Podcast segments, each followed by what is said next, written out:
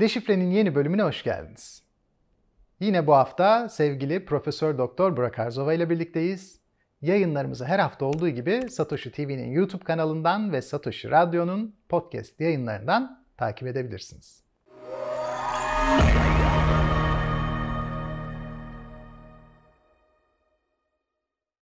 Burak Hocam merhabalar. Merhabalar nasılsınız? Çok iyiyim hocam siz? Ben de çok iyiyim sağ olun. Bugün bir karşılaştırma üzerinden gidelim diye Tamam. düşünüyorum. Özellikle yaşı küçük olan izleyicilerimiz için belki bir kafa karışıklığı yaratıyor olabilir. Çünkü ben küçükken benim kafamda yaratıyordu. Hatta pozisyonları ters olarak bile algılayabiliyordum. Benim küçüklüğümde müdür denildiğinde böyle çok büyük bir yapı sanki var gibiydi 5-6 yaşındayken ben. Ee, ve yönetim kurulu başkanı diye bir kavram kafamda yoktu. Tabii büyüdükçe işte CEO ortaya çıkıyor, icra kurulu başkanı, bir de yönetim kurulu başkanı var. Yönetim kurulu başkanıyla icra kurulu başkanı arasında bir farklılık olduğu işte çocukken anlaşılamıyor, büyüdükçe anlaşılıyor. Bu fark belki amatör ekonomistler için de kendisini gizliyor olabilir diye düşünüyorum. İkisi arasındaki fark nedir hocam? Önce şirketlerden başlayalım. Yani şirketlerin biliyorsunuz belirli hedefleri var. Nedir şirketlerin hedefleri? Aslında temelde 3 tane hedef vardır. Bir tanesi kar hedefidir. Bunu daha öncelerde konuştuk. Yani şirketler kar edecekler ve bu karı daha sonra yatırıma dönüştürecekler ve büyüyecekler. Demek ki ikinci hedef büyüme hedefi. Üçüncü hedef de bu büyümeyi sürekli kılmak yani sürdürülebilir olmak. O zaman kar hedefi, büyüme hedefi ve sürdürülebilirlik hedefi aslında şirketin ana hedefleri. Ve şirket tabii ki büyürken yatırımlara girişecek. Bu yatırımlara kaynak ayırması gerekecek. Bunu uzun dönemli planlayacak. Şirketin planlarını genel itibariyle uzun döneme yayacak bir temel strateji içerisinde hareket edecek. Bunu belirleyen işte icra kurulu. Yani icra kurulu şirketin bütün stratejisini belirleyen, yönünü belirleyen, nerelerde hangi yatırım alanlarını yapması gerektiğini uzun dönemli perspektifini ortaya koyan kurul. Onun altında da şirketin genel itibariyle bir yönetime ihtiyacı var. Yani yönetime ihtiyacı olması şuradan kaynaklanıyor. Bu hedeflere ulaşmak için stratejilerin belirlenmesi, taktiklerin belirlenmesi, burada kaynakların planlamasının yapılması, işte satış miktarının belirlenmesi, buna göre üretimin planlanması gibi temel hususlarda yönetimin işi. O zaman bir kurula ihtiyaç var. Bu kurulda yönetim kurulu. Bir de yönetimin yaptığı faaliyetler sınırsız değil. Onların da bir denge mekanizması içerisinde denetlenmesi gerekiyor. Yani yönetim acaba icra kurulunun planlarına uygun bir şekilde mi hedeflere doğru götürüyor şirketi? Yapmış olduğu kararlarda ekonomik kararların dışında başka kararlar da var mı? Acaba diğer şirketlerle rekabet ederken bu ekonomik kararların dışına mı çıkıyor, şirketi zarara mı uğratıyor gibi temel unsurların denetimi de denetim kurulu tarafından gerçekleştiriliyor. O zaman yönetim kurulu şirketin genel yönetimiyle ilgilenirken denetim kurulu da yönetimin faaliyetlerini denetleyen kurul olarak karşımıza çıkıyor. Müthiş bir üçleme. Demek ki Fransız ihtilalindeki üçleme şirketlere kadar sirayet ediyor. E, Hegel de böyle üçlemelerle yazıyor hep e, işte o tez, antitez, sentez de o, o bağlamda. Başlıkları da hep böyle üçleme. Peki hocam sizce bu üçlü şirketlerde korunabiliyor mu yoksa bu üçlüden bir taraf asimetrik şekilde güçlenebiliyor? Genellikle aile şirketlerinde yönetim kuruluyla icra kurulu birbirine çok karışmış durumda. Yani yetki ve yönetim erki ayrı dışarıdan gelen bir temel profesyonel yöneticiye devredilmediği için yönetim kurulu aynı zamanda icra kurulu olarak da görev yapıyor ya da tam tersine icra kurulu şirketi yönetiyordu. Ama şirketler büyüdükleri zaman birçok alt şirketler, bağlı ortaklıklar, iştiraklar haline dönüştükleri zaman o şirketi profesyonel olarak yönetmek artık çok mümkün olmayabiliyor.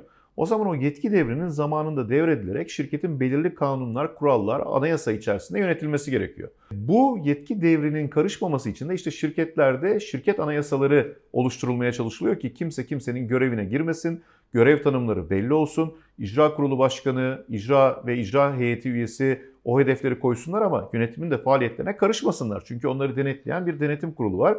Eğer memnun değillerse denetim kurulunun raporları doğrultusunda bir sonraki dönem aynı yönetim kuruluyla devam etmeyebilirler. Ama sonuç itibariyle o yetkiler birbirine çakışmasın ve insanlar yaptıkları eylemlerden dolayı birbirlerinin içlerine girmesinler diye çeşitli kurallarla korunmaya çalışılıyor. Bu çok kolay değil. Söylemesi çok kolay ama şirketlerin aile şirketi olduğu yapılanmanın farklı yapılarla gittiği birçok yerde bunların çok karıştığını görüyoruz. Bunu o zaman formal yapı diyoruz değil mi hocam Evet. bu kurulmuş yapıya? Şimdi ben dikkat ediyorum özellikle yeni yapılan bahçeli büyük sitelerde yani 900 dairelik 1000 dairelik sitelerde genellikle peyzajın dışında yapılmış yol yerleri taştan oluyor. Peyzajın içi tabii çimenden.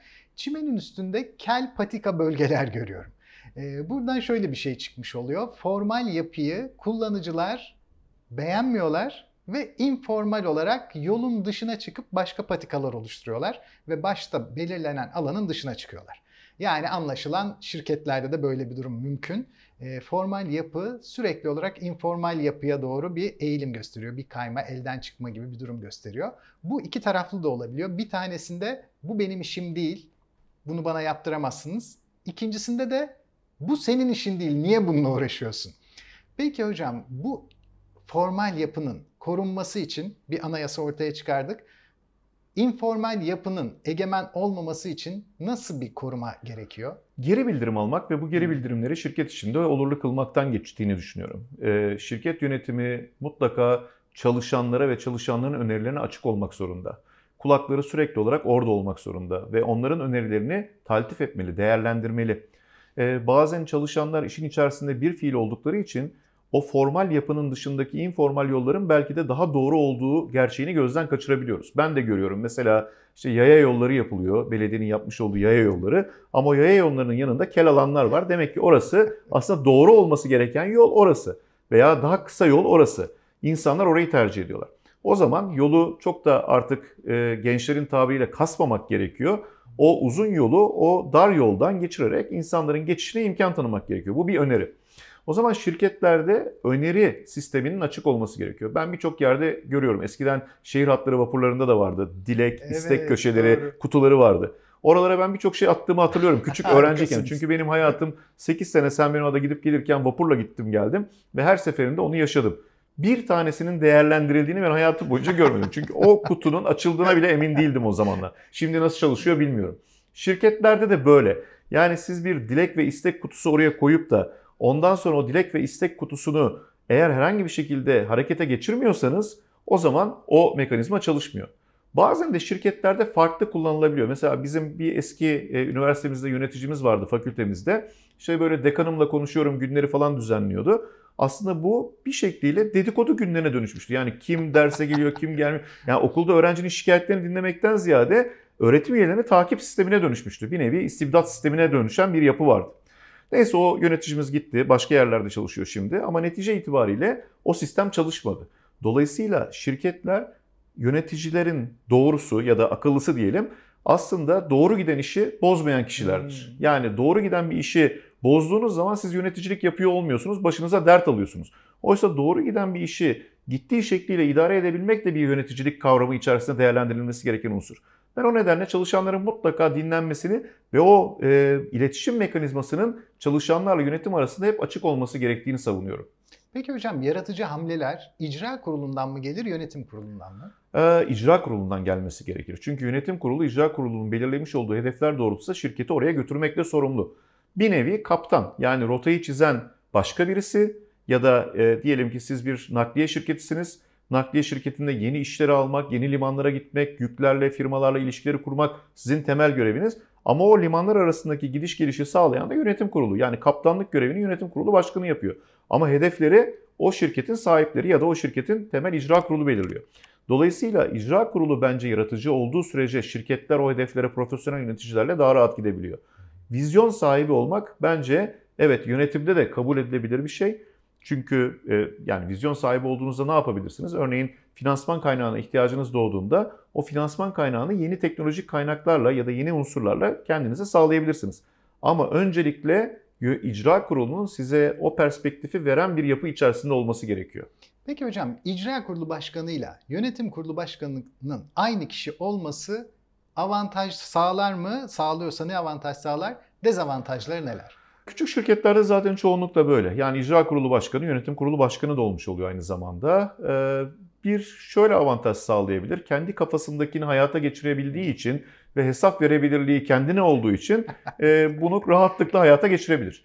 Ama tabii hesap verdiği kişi kendisi olduğu için icra kurulu, yönetim kurulu başkanı, icra kurulu başkanına hesap verdiği için bu sefer hesap verme gereği de duymaz. Yani her şeyin tek kişide toplandığı bir yapı çıkmaz sokağa girmek gibi bir duruma bizi sokabilir. Oysa diğer ilişkide evet arada bir hiyerarşi vardır. Bir belki iletişim e, konusunda da problem yaşanabilen durumlar da ortaya çıkabilir. Ama sonuçta bir hesap verme ve hesap sorma bilinciyle hareket edildiği için en azından yönetim kurulu başkanı yapmış olduğu eylemlerde icra kuruluna sorumlu olduğunu bilir. İcra kurulu da hedeflerin doğru gitmesi için yönetim kurulunun o işlerden sorumlu olduğunu bilir. Ama bu genellikle çok büyük şirketlerde ortaya çıkan bir durum oluyor. Sanırım şöyle bir durum da var hocam. İnsan tabii her yere aynı anda odaklanamıyor. Tek bir yere odaklanabiliyoruz. Mesela ben şu an size baktığımda sırf yüzünüze bile odaklanmak mümkün olmuyor. Bir gözünüze odaklanıyorum. Geriye kalan yer flulaşıyor. Yüzünüze diyelim ki tam odaklanabildim. Çok uzak olsak aslında belki yüzünüze odaklanabilirim. Odanın geriye kalan her yeri flu oluyor. Nereye baksanız sadece orayı görebiliyorsunuz ve geriye kalan her yer flu. Şirket yönetiminde de böyle. Eğer yaratıcılığa odaklanılmışsa yönetimsel bütün şeyler flulaşıyor. Yönetime odaklanan da yaratıcı her şeye flulaşmış oluyor. Bu yüzden sanırım yaratıcı olan kurulun o işi bir de kendisinin yapması gerektiğinde hem ona flu gelen bir alana denk geliyor hem de üşengeçlik ortaya çıkıyor. Evet. Ee, başka birisine sen şunları şunları yap de- dendiğinde onları eksiksiz geri bekliyor insan, yapılmasını bekliyor. Ama kendine bu emri verdiğinde yüzde yüzünü getirmiyor. Yüzde yetmişini, altmışını, seksenini getiriyor. Sanki o açıdan da bir e, bağlayıcılığı ve verim arttırıcılığı var gibi. Aslında ben bunu şuna benzetiyorum. Bilmiyorum çok doğru bir e, benzetme olacak mı ama biliyorsunuz hafta sonları çok yediğimiz zaman pazartesi günleri mutlaka diyete başlıyoruz. Evet. ama e, sonra o diyeti gene kendi kendimize bozuyoruz. Oysa diyetisyene gittiğimiz zaman o bize yapmamız gerekenleri söylüyor. Sonra elimize bir tane cetvel veriyor. Bunun üzerine her gün yaz diyor ne yaptığını ne ettiğini. Ve sonuçta biz aslında gene yediklerimizden fazla yediğimizde o bizi kontrol edip de bize "Aa, bak bu hafta çok yemişsin diyeceği için biz kendimizi kontrol ediyoruz. Yönetim kurulunda hem icra kurulu başkanı olmak hem de yönetim kurulu başkanı olmak hafta sonu çok yiyip diyete kendiniz başlamakla eşdeğer. Onun için örnek. çok bir yere gidemiyorsunuz diye düşünüyorum. Harika örnek hocam hakikaten. Buna rağmen çoğu kişi yetki devri yapmakta çok direniyor. Peki bunun psikolojik bir durum herhalde hocam. Psikolojik kaynağı ne bunun? Bu her şeyi sizin doğru bildiğinize inanmaktan kaynaklandığını düşünüyorum. Çünkü bizim ülkemizde herkes her şeyi çok iyi biliyor. Yani her şeyi biliyor. Ee, mesela ben çok şunu söyleyebilirim işte hayvanlarla falan çok ilgilendiğim için bazen e, işte çobanlar falan onlarla da muhabbet ediyorum. Ee, işte veteriner geliyor hayvanın bir hastalığını söylüyor. Veteriner giderken çoban diyor ki o ne anlar diyor mesela. Yani şimdi adam senelerce okumuş, bunun ilmini yapmış, yıllardan beri hayvanlara bakıyor, hastalığının teşhisini koymuş. Ama çoban arkadaşımız onun bilmediğini iddia edebiliyor. Dolayısıyla bu her yerde var. Yani illa çoban veteriner arasındaki ilişkide değil, her yerde. Mesela usta gelir eve, siz bakarsınız ustaya "Cık, yanlış yapıyorsun diyebilirsiniz. Ya da ne bileyim işte ben de söylüyorum bunu. Hep hayatımızdaki olan Vallahi uygular. ben de söylüyorum.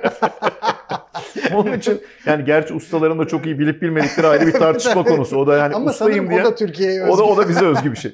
O nedenle biz her şeyi çok iyi biliyoruz. Futbolu çok iyi biliyoruz, siyaseti çok iyi biliyoruz, dini konuları çok iyi biliyoruz. Mesela soruyorsunuz dini fetva veren birisine hiç okudun mu kutsal kitapları diyorsunuz. Hiçbirini okumamış ama o bir şekilde oradan size bir bilgi aktarımında bulunabiliyor. Dolayısıyla bu bizim doğamızda, yapımızda olan bir şey olduğu için her şeyi çok iyi bildiğimize inandığımızdan dolayı bizim yerimize o işi yapabilecek olan kişinin bizim kadar değerli olmadığını ve bizim kadar bilgi bilmediğini düşünerek ona yetki vermiyoruz. Bir de tabii korkularımız var. Eğer ben ona yetki verirsem yarın ben burada yetkisiz kalırım, başıma bir şey gelir. Çünkü hep hayatımız boyunca çevremizdeki insanlardan kazıklar yediğimiz için o da bizim bir deneyimimizi oluşturduğunu düşünüyorum. O nedenle yetki devri Türkiye'de maalesef olmuyor. Yatırım sepeti yaparken nasıl gelişiyor hocam bu olay? Yatırım sepeti yaparken eğer bir danışmanla çalışmıyorsak kendi başımıza gibiyiz. Vizyonu kendimiz belirliyoruz. Alımları internetten kendimiz yapıyoruz. Kripto varlıklar için de böyle.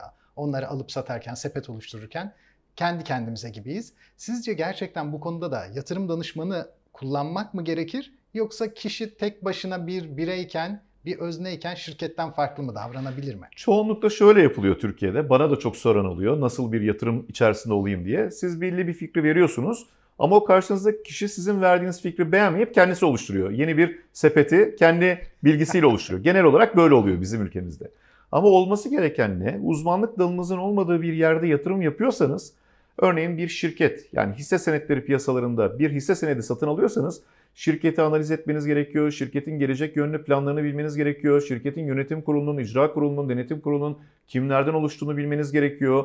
O şirketin bağımsız yönetim kurulu üyelerinin belki bile kimlerden oluştuğunu bilmeniz gerekiyor. Bütün bu bilgilere sahip olmanız gerekiyor. Ama biz öyle yapmıyoruz ve şirketleri sadece kulaktan duyduğumuz ya da hissimizin geçtiği şekliyle veya markaya yatkınsak o markanın sahibi olan şirketi alarak o şekliyle yatırım yapmayı tercih ediyoruz ve çoğunlukla hüsrana dönüşüyor. Kripto varlıklarda da böyle. Yani kripto varlıklardaki şu anda en büyük motivasyon yüksek karlar. Ve bu yüksek karlar için ve çok şey göze alınarak aslında belki de hiç alınmaması gereken varlıklar sepetin içerisine konulabiliyor ve ondan sonra o yapılan e, kayıptan dolayı bütün kripto varlıkların tamamı suçlanabilir bir hale dönüşüyor. Oysa yapılması gereken belki de belli bir sepet oluştururken bunu profesyonel anlamda yapan ve bunu iş edinmiş olan kişilerden destek alabilmek. Ama güvenmiyoruz. Problem güven problemi ortaya çıkıyor. Hocam ağzınıza sağlık. Çok güzeldi. Çok teşekkürler.